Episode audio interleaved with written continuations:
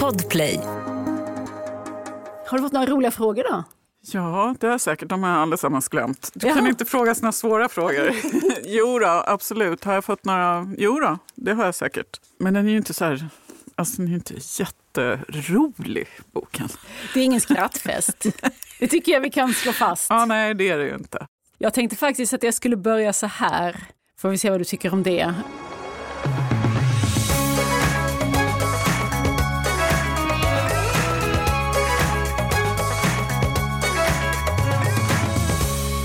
Tusen nålar, det var kanske ett tag sedan någon gav dig det. Så säg hej till Malin Persson Giolito. Hon är som bekant bra på att vrida åt hårt i frågor kring skuld och ansvar. Och det gör hon också i den nya romanen I dina händer. Den utspelar sig i den fiktiva förorten Våringe som är en plats där rädsla, desperation och uppgivenhet hotar att tränga ut allt annat. Ja, kanske till och med förnuftet hos oss alla. Malin Persson Giolito är dagens gäst här i avsnitt 25 av Samtal om böcker. Och dessutom ska Mattias Timander komma lite senare för att plocka några russin ur årets bokrea. Stig på! Jag heter Lisa Tallroth.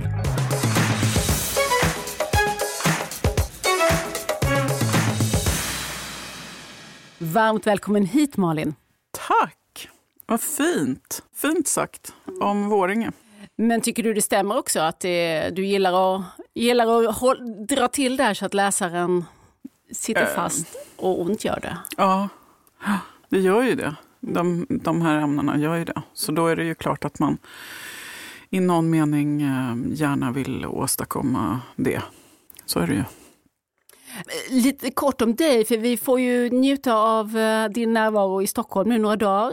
Då och då lämnar du Bryssel och går på Stockholms gator som en vanlig kvinna. Men det kanske är det som är, det är här du är lite ovanlig. Hemma i Belgien är du en vanlig, lite mer anonym person. Jag är Eller? ganska anonym både i Stockholm och i Bryssel faktiskt. Men eh, absolut, eh, jag går på Stockholms gator nu ett tag och ska försöka då kränga bok.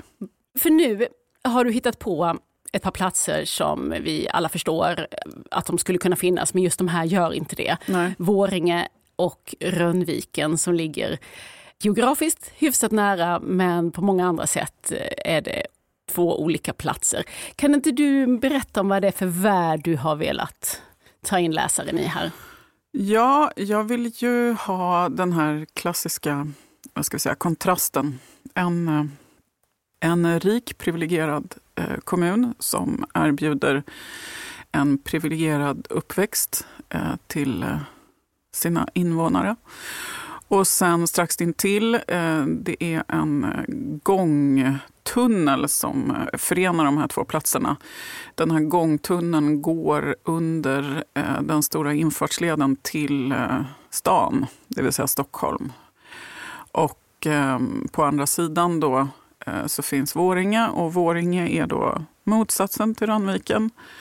Utsatt kommun där invånarna lever i en helt annan verklighet. Och det ville vill jag ju, jag ville skapa den där enkla, utav dramaturgiska skäl såklart, så vill jag ha dem nära varandra. Det blir effektfullt när man får hitta på precis hur man vill. En av huvudpersonerna i den här berättelsen som så ofta när jag skriver är ju klassamhället. Precis, det är en huvudperson kallar du det, men sen är det då Billy och Douglas, Dogge, som vi kommer att få träffa och vi träffar dem redan, eh, först när de är små lite kort, men sen är det ju i, börjar du ju väldigt dramatiskt. Ja, Som den drivna spänningsförfattare du är så kastar du oss rakt in i den mest dramatiska scenen av alla. Och, så att inte jag försäger mig kan inte du säga någonting om vad, det, vad är det som händer här i berättelsens början? Ja, Billy och Dogge är ju, har ju varit bästa vänner sedan de var små barn. Nu är de 14 år gamla och när berättelsen börjar, det vill säga redan i första kapitlet, så är en av dem skjuten och den andra eh, tar på sig den här skjutningen och säger att ja, det var jag som höll i vapnet. Och sen får vi ju då helt enkelt eh, lära känna de här två pojkarna. De borde jag ha haft hela livet framför sig. Men eh, de har istället hamnat i en verklighet som de har tappat kontrollen över. Och hur har de hamnat där och vilka är de? Det får mm. vi veta. Och så många gånger under läsningen så måste jag påminna mig om att de faktiskt bara är 14 år. Mm. Eller hur? Mm. Det är lite en poäng just med att de är 14 ja. år också eftersom det gör att de hamnar under straffmyndighetsgränsen. Precis. Vilket är någonting, det har vi också läst om i, i verklighetens tidningar. Det här är någonting som eh, utnyttjats av eh, kriminella. Ja, för vad som händer är ju att eh, när den, här, den ena pojken tar på sig det här brottet så säger ju han att ja visst det var jag som höll i vapnet men det är inte mitt fel. Jag blev tillsagd att göra det utav den här äldre mannen då. En slags gängledare? Med, ja, precis. Någon sorts lokal skurk. Och det, så, det vet vi ju från verkligheten också, att eh, det händer. Att man just låter små pojkar göra sådana här grövre brott för att de ändå inte då kan straffas för det. Till stor frustration för, ja, för alla, för mm. läsaren mm. inte minst, men också för eh, den polis som ja. du bjuder in i berättelsen, ja. Farid han är ju en av dem som till synes helt tröstlöst försöker, ja. försöker förhindra det här och han har känt killarna sedan de var små. Mm. Det är så mycket han ser hända som han ja. inte kan stoppa. Så det finns ju ett, eh, ett brott och det finns en gåta men sen är det ju kanske framförallt eh, ett galleri av människor som mm. vi får lära känna och det är de här pojkarna Billy och Douglas men också deras föräldrar. Ja, det är roligt att du lägger märke till det. För att jag, eh, min förra bok, Störst av allt, den var ju så väldigt eh, centrerad kring en enda berättare. Eh, den här flickan som fick liksom, bära hela berättelsen på sina axlar. Här är det ju tvärtom i den meningen att det är mycket mer en kollektivroman. Jag har ju försökt i alla fall. Det är svårt att hitta en balans mellan vad ska vi säga, spännings elementet och just den, den sanna kollektivromanen eftersom det kan bli lätt spretigt. Men här är ju en av poängerna att det som drabbar de här pojkarna det drabbar ju också hela det samhället som de lever i. Alla de människor som, som lever sida vid sida med de här pojkarna. Den är, det är en väldigt manlig berättelse, eller vad vi ska kalla det för. Det är väldigt mycket män i den här berättelsen. Det kanske lite annorlunda för mitt berättande. Jag har berättat väldigt mycket om flickor och kvinnor i mina tidigare romaner. Men här är ju vad ska jag säga, de centrala gestalterna, förutom mammorna, mm. är ju nästan allesammans män. Bestämde du dig för det? Att det är dags att pröva på ja, det nu? Eller? Alltså när, när jag bestämde mig för att berätta den här historien då blev det självklart att det skulle vara en berättelse om pojkar och män eftersom det, det, det är så det ser ut. Att det blev så väldigt mycket en berättelse om pojkar, män och mammor. Det tror jag har att göra med att det är liksom min ingång i det här ämnet. Att det är omöjligt för mig att eh, ta mig an det här ämnet utan mödraperspektivet. Eller liksom perspektivet mm. som, som de här olika sorters mammorna. Det finns ju flera stycken. Det finns en väldigt central mamma som är absolut en av huvudpersonerna. Billys mamma Leila. Billys mamma Leila. Och sen finns det en annan viktig mamma, inte riktigt fullt lika viktig. Hon är mamma till Dogge. Men sen finns det också, vi träffar lite kort andra mammor. Vi har en ung mamma i precis i början på, på berättelsen som får ta emot larmsamtalet. Och precis i slutet på berättelsen, berättelsen avslutas med en kvinnlig domare som också är mamma, men som är mamma på ett, i en helt annan verklighet än den som Dogge och Billy har levt i.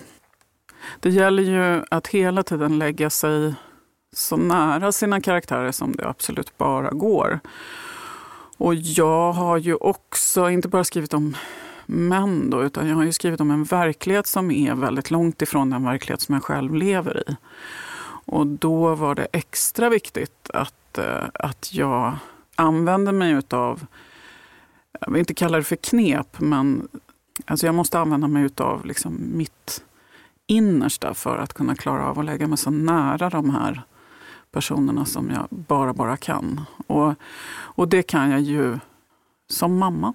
Mm. Så kan jag lägga mig väldigt nära Leila då till exempel. Och vad är Leila och, och Jill? Det, går kanske inte riktigt att prata om dem samtidigt, men vad är de för slags mammor? Det finns jo, pappor men, här också, ja, men, det gör det men, men om vi tar några men, i taget. Mm. Men pappornas huvudsakliga roll i den här berättelsen är ju att vara frånvarande. Och det har ju också bestämt hur de skildras. Det är deras frånvaro som får störst påverkan på de här pojkarnas liv. Mammorna, det är ju så att vi har en mamma som eh, lever i en väldigt utsatt miljö, Leila, som har så att säga all den, allt det ekonomiska emot sig. Hon lever i, eh, med sina fyra barn i en väldigt liten lägenhet i Våränge. Men hon är oerhört, liksom, hon är oerhört kärleksfull och eh, på alla sätt eh, en, en mamma som engagerar sig till 100 procent i sina barns liv. Hon har problem med auktoriteter, eh, det har hon haft, absolut. Men det har hon gemensamt med Dogges mamma som ju också har ganska svårt för auktoriteter, men på ett helt annat sätt och från en helt annan verklighet. För Dogges mamma lever ju istället i vad som borde vara en mycket privilegierad miljö. De har en massa andra problem. Ja, hon är kanske inte så lyckad som, som mamma. Hon Nej. Eh, lyckas inte mm, ge Dogge det han skulle behöva. Man kan säga att båda de här mammorna på sätt och vis har misslyckats med sin uppgift, om uppgiften är att skydda sitt barn. Särskilt från sådana händelser som, som du utsätter dem för i boken här. Men eh, Dogges mamma, hon som bor i Rönnviken i det välbärgade området, hon hon är ju oförmögen att vara mamma nästintill. Alltså hon kan ju inte navigera i sin uppgift alls. Eh, Medan Leila vet vad hennes uppgift är. Men ja. hon, blir, hon är ju så otroligt motarbetad av mm. den här eh, platsen de bor på och liksom mm. det här gängen som drar i sonen och alltså, samhället runt omkring henne. Sen är det ju absolut så att de gör ju båda två misstag på olika sätt. Det gör de ju. De är båda människor. Även om de då inte är det eftersom det är mina fiktiva gestalter. Men... Ja, kan vi påminna om. Men du, de kliver ju ut ur sidorna ganska, får jag säga, alltså man blir ju upprörd till exempel som läsare. Det finns ju många här som man får anledning att känna sig frustrerad på, förbannad mm. på. Mm. Är det en sån, finns det en sån liksom, källa som du har öst ur när du har skrivit också? Ja, men det är ju ofrånkomligt för att vi lever allesammans med den här verkligheten. Och eh, nu kan man väl i och för sig diskutera hur vi framställer det som händer, absolut, i, i media och så. Eh, och man kan ha invändningar. Men det är klart att det är frustrerande. Det, det, är en situation som ingen vill befinna sig i. Vi vill inte ha ett samhälle där pojkar blir dödade. Där 14-åringar har vapen. Ja, där en av de vanligaste dödsorsakerna för en ung man i Sverige idag är att uh, han blir skjuten. Det är klart att vi inte vill leva där. Och mm, vi vill inte statistiskt sticka ut som ett av de europeiska länder där just vapenvåldet mot unga män är som allra värst. Så det är klart att det är frustrerande. Och det, så frustrationen, den är ju en avgörande ingrediens i den här berättelsen såklart. Och det är ju det är också den som driver historien dit där den hamnar. Vi kan inte riktigt gå in på det, men, men det är ju en känsla av maktlöshet som jag vill skildra och som jag tror att, eh, att många av dem som, eller i princip alla som lever i, de här, i en sån här verklighet känner. Att just vad, vad, vad ska vi göra åt det här och hur ska vi komma åt det med äran i behåll på något vis? Har du varit på jakt efter sådana svar ja. när du har skrivit den här romanen? Ja, och eh, misslyckats. Mm. Så är det ju. Och det tror jag väl var ett av skälen till att det var så otroligt svårt att eh, skriva den här boken. Det är alltid svårt att skriva, tycker jag. Man vill ofta kunna bjuda på liksom en hoppfull, eh, ett klart och tydligt hopp är ju kul. Och särskilt om man, särskilt om man skriver liksom sorgliga berättelser. Men här var det väldigt svårt. Väldigt svårt. Varför då? Jo, men för att um, när vi pratar om, om lösningar så vill vi ju kunna säga då, som våra politiker till exempel, att det enda som krävs det är, det är mer resurser, det är mer pengar till polisen, det är ja, ditten och datten och hit och dit. Och, och, det är ju inte så att det går omkring en massa politiker uh, och tycker att det här, är inte, det här är en icke-fråga och det här är inte viktigt och det spelar ingen roll. Så är det ju inte, utan alla är liksom rörande överens. Och alla verkar ha fastnat i det att eh, det enda som krävs då skulle vara längre straff och, och mer resurser. Men alla som faktiskt eh, tänker ett steg längre förstår ju att det kommer inte att, att rädda livet på de här barnen. Ett poddtips från Podplay. I fallen jag aldrig glömmer djupdyker Hasse Aro i arbetet bakom några av Sveriges mest uppseendeväckande brottsutredningar går vi in med hemlig telefonavlyssning och, och då upplever vi att vi får en total förändring av hans beteende. Vad är det som händer nu? Vem är det som läcker? Och så säger han att jag är kriminell, jag har varit kriminell i hela mitt liv men att mörda ett barn, där går min gräns. Nya säsongen av Fallen jag aldrig glömmer på Podplay. En av mina bästa vänner som, var, som alltid är en av de första att läsa mina böcker, hon heter Marie och vi har känt varandra sedan vi var pyttesmå. Och hon sa när hon hade läst boken, så sa hon att, att det är så sorgligt för att du, du tar död på din egen gud. Och eh, nu tycker jag ju visserligen inte att jag tar död på min egen gud, men jag förstår precis vad hon menar. För att min gud, eller mitt, min religion har ju alltid varit rättssystemet, eller liksom rättsväsendet. Jag brukar alltid säga att eftersom jag inte själv tror på en gud så har jag på något vis lagt min förtröstan om att vi kan klara av att lösa mänskliga konflikter i rättsväsendets händer. Och eh, även om inte rättssystemet alltid klarar av att lösa alla konflikter så är det på något vis ändå... Eh, jag har en förtröstan i att det finns där, det fungerar. På det stora hela så, så tar det hand om oss. Men här gör det ju inte det. Alltså min Gud överger mig i någon mening. Mm. Och det gör historien, jag kallar den för den sorgligaste historia jag har skrivit. Titeln är ju I dina händer och det kommer ifrån Bibeln och det eh, får också Leila prata om. Hon säger när vi, när vår Gud inte räddar våra barn, hon frågar polisen Farid det, hon frågar är inte din plikt då att fånga upp de här barnen? Och han säger att jo, det är klart att det är. Det är min plikt att fånga upp de här barnen. Men när han inte klarar av det då, vem ska då fånga upp de här barnen? När inte deras mammor fångar upp dem och när inte rättsväsendet fångar upp dem. Det finns en poäng i att titeln är så uppfordrande.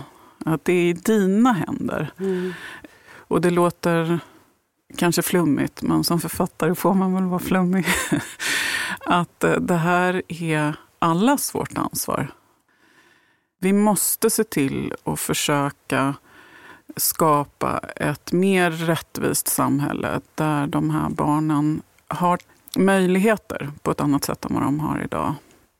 Ett helt sammanhang som måste eh, man måste värna, inte ja. bara den enskilde när det är för sent. Men nu pratar du, eh, och de här stora dragen finns eh, de tar man ju med sig som läsare också, men jag tänker att eh, du är ju jurist och ser ju en del, med din liksom, blick för det här också, en del faktiska luckor. Och du tar oss ju igenom en del av proceduren, vad som mm. händer efter ett sånt här brott och när mm. den eh, misstänkte är så ung som i det här fallet en 14-åring och vad det är för institutioner och vad det är för liksom, steg som den här personen ska gå igenom och även lagstiftning och så. Så jag tänker att på sätt och vis tycker jag att den pekar på en hel del så konkreta otillräckligheter Jo. Nu, nu låter men, det som att det finns, finns ingenting som skulle kunna jo, jo. vara värt... Eh, men, men alltså saken är ju att um, min första egentliga juristchef, som var domare på EG-domstolen där jag jobbade för hundra år sedan, Hans Ragnemalm. Han sa alltid att ett fungerande rättssystem är inte ett rättssystem som aldrig gör fel. För det kan vi inte skapa. Ett fungerande rättssystem är ett system som erbjuder oss en möjlighet till att reparera det som går fel. Även när så att säga, rättsväsendet gör fel. Vi ska ha rätt till rättelse, överklaga och, och lite sådana där saker. Och kanske skadestånd i någon mening. och så. Och det där, jag tycker ju inte att det stora felet med rättssystemet idag det är inte att det finns eh, brister i det eller att det inte alltid blir rätt alla gånger och sådär. Man ska vara väldigt försiktig med, eftersom rättssystemet är ett sånt där... Vi har stött och blött det ganska länge nu. Och, och, vi har hittat ganska bra vad ska vi säga, kompromisser mellan där vi minimerar riskerna för att en, en oskyldig blir dömd till exempel. Och, så där. Och, och, nu diskuterar vi istället en massa saker för att vi är så desperata, för att vi vill komma åt de här, den här gängbrottsligheten och så. Då diskuterar vi en massa förslag som enligt min uppfattning skulle försämra rättssäkerheten snarare än att komma åt den. Samtidigt så är jag... Kan du ge ett exempel? Ja, men att eh, exempelvis eh, så pratar vi väldigt mycket om kronvittnen, att man ska ha möjlighet att eh, så att säga tjalla och på det sättet få liksom ett ett eh, lättare straff eller ett, eh, kanske till och med komma undan eh, straff bara man ser till att sätta dit då den stora brottslingen och så. Att det är ett sånt stort problem att folk ja, vågar inte vittna? Exakt, och i samma, och i samma läge då att man ska kunna vittna anonymt. Och det är klart att det är saker som går att missbruka och som är ganska lätt att missbruka. Samtidigt så är jag ju ödmjuk nog att se att um, det är en oerhörd frustration. Jag har ju pratat med, med flera poliser och jag har försökt liksom lyssna på just den delen av rättsväsendet. Hur, hur frustrerande de tycker att det är att uh, jobba med de här sakerna eftersom ingen pratar. Uh, det ställs oerhört höga krav på uh, att de ska kunna bevisa saker och så. Och hur ska de då skydda de här utsatta människorna som, som exempelvis de här små pojkarna då som, som hamnar i sammanhang som de tappar kontrollen över. Och så. Men vad, vad är din uppgift i det här? Författaren Malin Persson Julito. Jag menar du har ju äh, en massa äh, tankar här, det hör jag ju. Du skulle mm. kunna skriva, och det gör du ibland också, politiska debattartiklar. Lägg dig i juridiska frågor och så. Mm. och, men nu är du ju en romanförfattare. Vad, kan du, vad vill du göra i den här formen? Ja, men jag tror, alltså jag har försökt få lite kläm på exakt vad det är jag vill göra. För att det finns ju någon sorts sanning som går ut på att man ska akta sig som författare för att försöka bedriva liksom politisk, eller skriva politisk pamflett. Och det är ju helt sant, för det blir väldigt sällan lyckat. så. Eh, för att då har man liksom missuppfattat, eh, tror jag, romanens kanske inte uppgift, uppgift är ett sånt konstigt ord, men, men den här konstformen får ju, sin, får ju sitt värde genom att det faktiskt handlar om att eh, jag bidrar med en historia som sen läsaren tar hand om. Och om de ska kunna ta hand om den där historien så måste jag ju också lämna, lämna över den till dem på ett, på ett eh, så mer konkret vis. Så att jag försöker, samtidigt är det ju så att man, eller att jag som författare naturligtvis vill berätta någonting om vår samtid. Så är det ju helt klart. I mycket högre utsträckning än att skriva en spännande roman så försöker jag säga någonting om vår samtid. Jag har ju till och med svårt att kalla mina böcker för spänningsromaner. För jag tycker inte att det är där det stora, eller det stora värdet, gud vad pretentiöst det lät, det jag lilla vet värdet. Inte. Vad är det lilla värdet? Jag vet inte om det finns något värde överhuvudtaget. Det kanske liksom, egentligen borde man ha låtit de där träden växa vidare. Men i den mån det har, mina böcker har något värde så tycker jag att eh, det i mycket högre utsträckning är liksom, eh, eh, vad de säger om den värld vi försöker leva i. än liksom, någon sorts spänningsmoment i den meningen. Liksom, vem gjorde vad och så. Och men eftersom det här är en värld som många av oss, det tror jag du också kanske i din vardag mest läser om i tidningen eller ser mm. på tv. Vi, varken du eller jag lever Nej. i den här vardagen som skildras i romanen. Känner du då, tänker du att det finns någon slags uppgift här att verkligen ligga nära en trovärdighetens sanning, att inte överdriva. Jag menar, det är ju ganska grovt, det är grova handlingar, det är grova beteenden från många av de du, personerna du skildrar. Så hur tänker du kring det där att det ändå, hur det här ska landa? Är det viktigt för dig att det... Att, att det inte uppfattas det, som spekulativt? Ja, att det inte, ja definitivt. Så är det definitivt. Jag är också väldigt mån om att eh, Eh, det finns ju dels en förklaring till varför jag inte skriver om en verklig plats till skillnad från eh, hur jag har gjort tidigare. Det är liksom ännu mer viktigt här att jag skriver om fiktiva platser eftersom jag vill inte berätta en historia som någon annan vet mycket mer om än jag. Och skulle jag ha placerat den här historien på en, i en verklig förort då hade jag eh, blivit kolonias, kolonialist. Jaha. Är det med det man är? Alltså på något vis så här, upptäcktsresande. Mm. Och det är klart att man i någon mening alltid är det om man inte skriver självbiografiskt. Enligt min uppfattning faktiskt även när man skriver självbiografiskt. För det är alltid så att man klampar in i någon annans verklighet. Men det kändes ändå viktigare att inte försöka skriva någon på näsan. Också för att om ingen känner sig utpekad så kanske det är lättare att känna sig träffad om du förstår vad jag mm, menar. Mm. Men att kalibrera det. Ja. Två 14-åriga grabbar ja. äh, som tappat fotfästet. Ja. Det är ju din uppgift att försöka kalibrera in Absolut. på deras, eller hitta deras Absolut. frekvens. Absolut. Och, men, det är ju, men det är ju författarens mm. uppgift. Mm. Och så fort, eh, alltså det är samma sak när jag skriver om en var, när jag skriver om en, en 18-årig flicka eller om jag skriver om en 45-årig eh, mördare eller om jag skriver om... Alltså det, varje gång jag skriver om någonting annat, och det gör jag ju jämt, jag skriver ju aldrig om mig själv i den meningen, men jag skriver ju alltid om mig själv. Mm. och, det, och det där är ju det är ju det som är det mest fantastiska med att vara författare och den riktigt, riktigt stora utmaningen. Eh, men visst, jag tror att det är Jonas Gardell som har sagt att man måste åka skridskor på hela banan.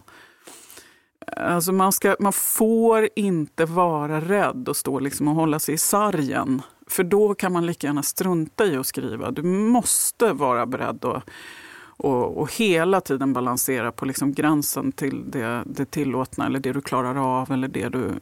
Men samtidigt som du, du ska göra så, så är det självklart att det är vissa ämnen som man måste försöka närma sig med någon sorts viss ödmjukhet kanske.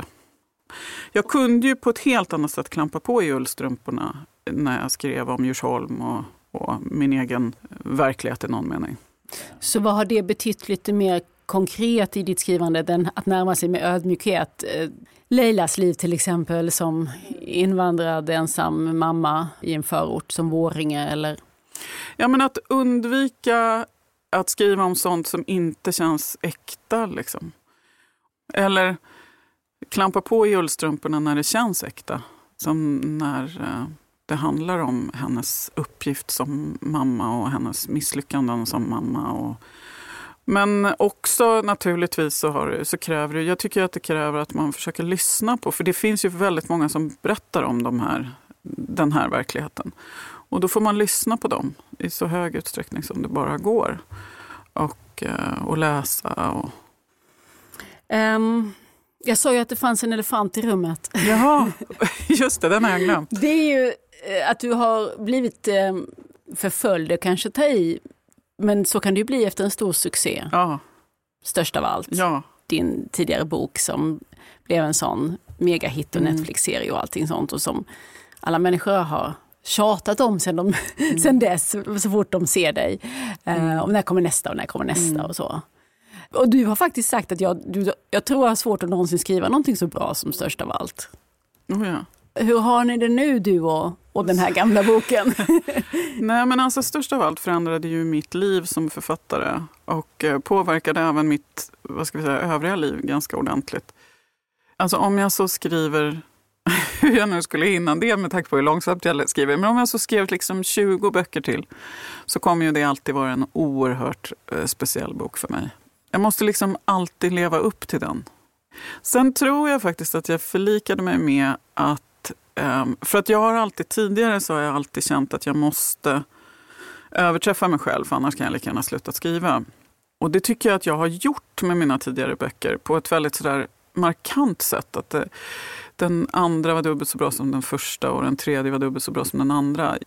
Men jag har liksom förlikat mig med att jag kommer inte kunna fördubbla min kapacitet på det där viset. Men om jag istället utmanar mig själv på andra sätt och verkligen gör mitt absolut allra bästa för att inte upprepa mig, hur man nu ska klara av det, eftersom man är ju den man är. Och eh, sådär. Men att liksom utmana mig själv som författare på andra sätt istället. Och eh, gör jag så gott jag bara kan, ja då borde jag ju kunna nå upp åtminstone till den nivån, tänker jag. Eftersom det var ju min nivå. Ett poddtips från Podplay. I fallen jag aldrig glömmer djupdyker Hasse Aro i arbetet bakom några av Sveriges mest uppseendeväckande brottsutredningar går vi in med hemlig telefonavlyssning och, och då upplever vi att vi får en total förändring av hans beteende. Vad är det som händer nu? Vem är det som läcker? Och så säger han att jag är kriminell, jag har varit kriminell i hela mitt liv men att mörda ett barn, där går min gräns. Nya säsongen av Fallen jag aldrig glömmer på Podplay. Vad tänker du att du, vad var det för utmaning du liksom pressade dig igenom och klarade av i den här nya romanen? Alltså dels tror jag att, att försöka skriva om verkligheten, den här viktiga verkligheten som jag vill skildra, men från i ett annat perspektiv. Inte bara berättartekniskt utan även så eh, miljömässigt. Alltså den är ju, även om vi Även om Rönnviken påminner om Djursholm så, så är ju Våringe som sagt var motsatsen. Och även Rönnviken, det vill säga det Rönnviken som Dogge växer upp i, är ju en, ett helt annat än det jag, eller Maja för den delen, växte upp Så att det, jag tycker att jag utmanade mig själv på alla sätt. Sen är det klart att när man väl är klar så märker man, det är det jag menar med att det här med att man säger att man ska inte upprepa sig. Man måste också acceptera att det gör man i någon mening. För att jag är den jag är, jag är den författare jag är, jag, jag dras jag fastnar i de berättelser som jag vill berätta och de påminner naturligtvis någonstans om varandra. Så det är klart att den här Boken har en massa anknytningspunkter med, störst av allt, ganska många inser jag när den, när den väl är klar. Um, men just de där frågorna som du ju tar dig an om skuld, om ansvar, om eh, föräldraskap, vänskap är också viktig, ett viktigt tema. Ja. Det låter ju konstigt om man skulle riva av det på en roman och sen var man klar. ja, fast samtidigt är det ju också så att efter varje roman så känner man, nu har jag sagt allt jag har att säga om den, det här.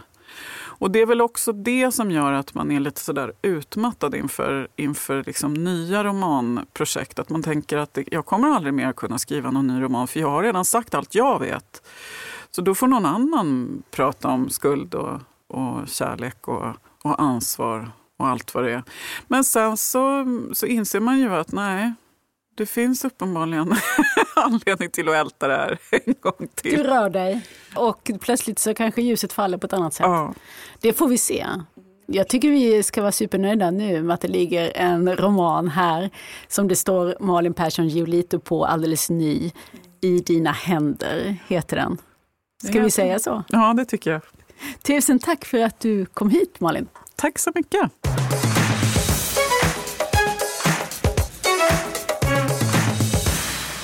Brev och bilder, Carl Larsson och Lars Lerin. Det är ju sånt här man vill köpa på rea. Mm. Mattias Timander, var du uppe i natt och hängde på något lås för att vara först in på bokrean? Inte i natt, men tidigt i morse. För det här är en högtid på året, bokrean, för oss eh, läslöss.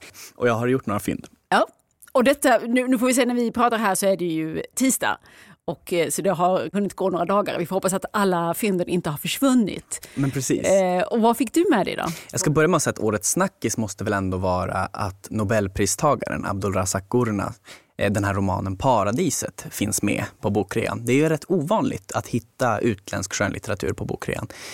Eh, men nu finns den till reapris och dessutom eh, fantastiskt eftersom den ju kom alldeles nyss. Men jag ska inte prata så mycket om den för ni har redan haft eh, med Abdulrazak Gurna böckerna i er podd. Men Istället vill jag visa det här fyndet. Eh, och fågeln flög fritt för att uppsöka sin bur av den älskade akvarellkonstnären Lars Lerin.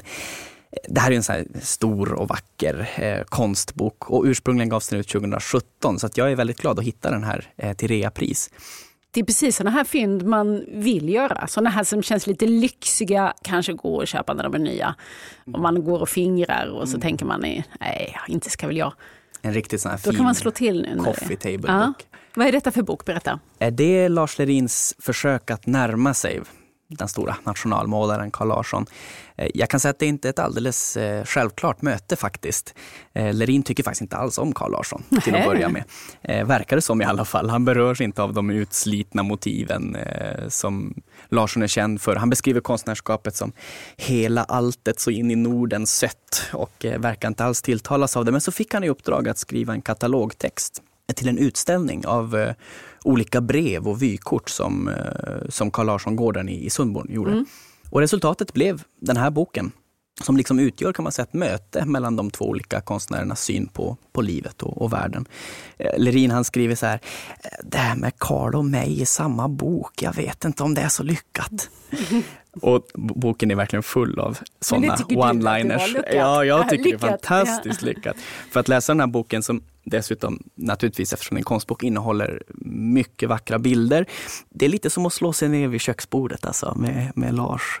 Man får ta del av hans vardag, titta ut genom hans fönster, då och då tittar Junior förbi och eh, det är faktiskt riktigt trivsamt.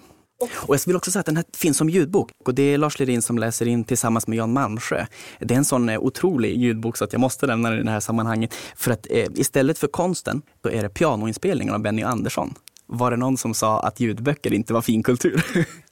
Ja, okej. Okay. Men du, och sen så botaniserar du vidare mm. bland rea-högarna? Jo, men det är som med bokrean att man kan också fynda sådana böcker som man har tänkt att man ska läsa men inte hunnit ta sig an än. Och då hittar jag dels Lydia Sandgrens klassiker Samlade verk från 2020 som ju också tilldelades Augustpriset. Den har väl knappast någon missat. Hon var väl gäst i Pocketpodden mm. med dig också? Vi har pratat om den här. Jag hörde att du kallade den för en klassiker och den kanske har fått en sån status ja, eh, redan. Det. Den är ju mästerligt sammansatt men jag blev nog mest drabbad av eh, personskildringarna och de, de omfattande, får man ändå säga, miljöbeskrivningarna som finns det är så rikt att få veta alltså hur romankaraktärerna faktiskt ser ut och är. Och platserna, eh, Göteborg, Antibes, Paris. Ehm, har man den här fortfarande framför sig, den här läsupplevelsen, så kan, man inte bara, kan inte du bara höra av dig till mig? Jag vill, jag vill liksom tillbaka till det här första mötet med den här gula boken. Så den går också att plocka upp på rea nu då, mm. om man inte har eh, fått tag i den tidigare? Och så hinner jag med en till. Mm. Eh, den 17 januari i år så gick ju den eh, folkkära stora tänkaren Björn Natthiko Lindeblad ur tiden. Och vi är många som är väldigt glada att han hann skriva sina memoarer, eh, boken Jag kan ha fel. Eh, jag har själv haft väldigt stor glädje och, och funnit tröst i hans eh, solvarma budskap. Och, eh, om man ska lyfta en av de saker som han ofta pratade om så är något som har stannat kvar hos mig det här att rådet om att försöka inte gå runt i livet så mycket så här med en knuten näve, alltså ett hårt grepp om allt man eh, tar sig för. Istället tyckte han så ska man öppna handen, släppa kontrollen om sånt man ändå inte kan påverka. Då är också handflatan öppen att ta emot sånt man inte visste att man kunde få. Björn Attiko Lindblads eh, Jag kan ha fel mm. är titeln på den. Mm. Finns också på årets bokrea. Och en massa annat förstås. Jag brukar passa på att titta extra i barnboksavdelningen. Där kan man göra fynd. Man kan göra fynd i alla delar. Men det är kul att eh, rean fortfarande levererar. Tack så mycket Mattias Timander. Tack. Ja, men tack för idag. Nästa vecka kommer Joanna Rubin Dranger hit till samtal om böcker. Henne lärde vi ju känna som fröken Livrädd och fröken Märkvärdig för nu ganska många år sedan. Och nu är hon tillbaka med en bok som inte liknar något annat. Bildromanen Ihåg kom oss till liv är en släktkrönika, ett detektivarbete men också någonting mer uppfordrande än så. Om detta nästa gång vi hörs i Samtal om böcker. Ett avsnitt som du hittar redan på fredag i gratisappen Podplay, annars på lördag på alla andra plattformar. I sociala medier heter vi Selma Stories och jag heter Lisa Tallroth. Hej då!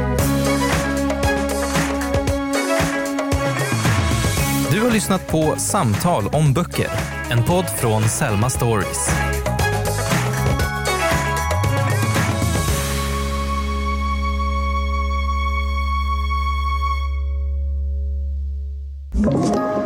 Podplay. Poddtips från Podplay. I podden Något Kaiko garanterar östgötarna Brutti och jag, Davva, dig en stor dos skratt. Där följer jag pladask för köttätandet igen. Man är lite som en jävla vampyr. Man har fått lite blodsmak och då måste man ha mer. Udda spaningar, fängslande anekdoter och en och annan arg rant. Jag måste ha mitt kaffe på morgonen för annars är jag ingen trevlig människa. Då är du ingen trevlig människa, punkt. Något Kaiko, hör du på Podplay. Därför är gardinerna.